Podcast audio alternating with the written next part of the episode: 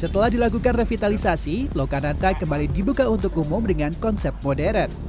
Selain sebagai tempat rekaman sekaligus lokasi pertunjukan seni, di Lokananta juga ada galeri yang menampilkan berbagai barang-barang tentang musik zaman dahulu, termasuk koleksi piringan hitam sejumlah artis masa lalu. Untuk bisa masuk melihat galeri Lokananta, pengunjung dikenakan tarif sebesar Rp25.000. CEO Lokananta Wendy Putranto pada 2 Juni saat jumpa pers bersama Wali Kota Solo Gibran Raka Buming Raka terkait dibukanya kembali Lokananta mengatakan Lokananta siap dibuka kembali dengan ditandai Festival Lokananta yang diselenggarakan selama dua hari pada 3 dan 4 Juni lalu dan menghadirkan sejumlah artis ibu kota. Gibran berharap dengan dibukanya Lokananta yang baru bisa menjadi destinasi wisata baru di kota Solo. Gibran juga menyambut baik band legendaris God Bless yang akan menjalani rekaman di Lokananta pada ulang tahunnya ke-50.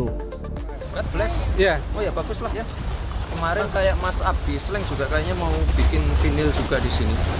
Dan pengelolaannya seperti apa berarti mas? Nanti dengan M ya. Oke oke. Kebetulan eh, besok akan hadir eh, Mas Ahmad Albar dan Mas Ian Antono, dua orang yang akan mewakili God Bless. Mereka rencananya akan menjadi band yang pertama rekaman di studio Lokananta yang baru.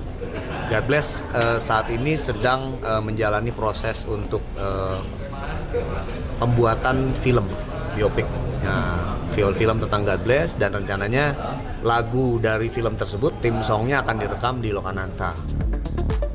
Ditambahkan Wendy, Lokananta saat ini bukan hanya sekadar perusahaan rekaman, tetapi juga pola placemaking yang akan menjadi kreatif and commercial hub serta tempat pemberdayaan UMKM.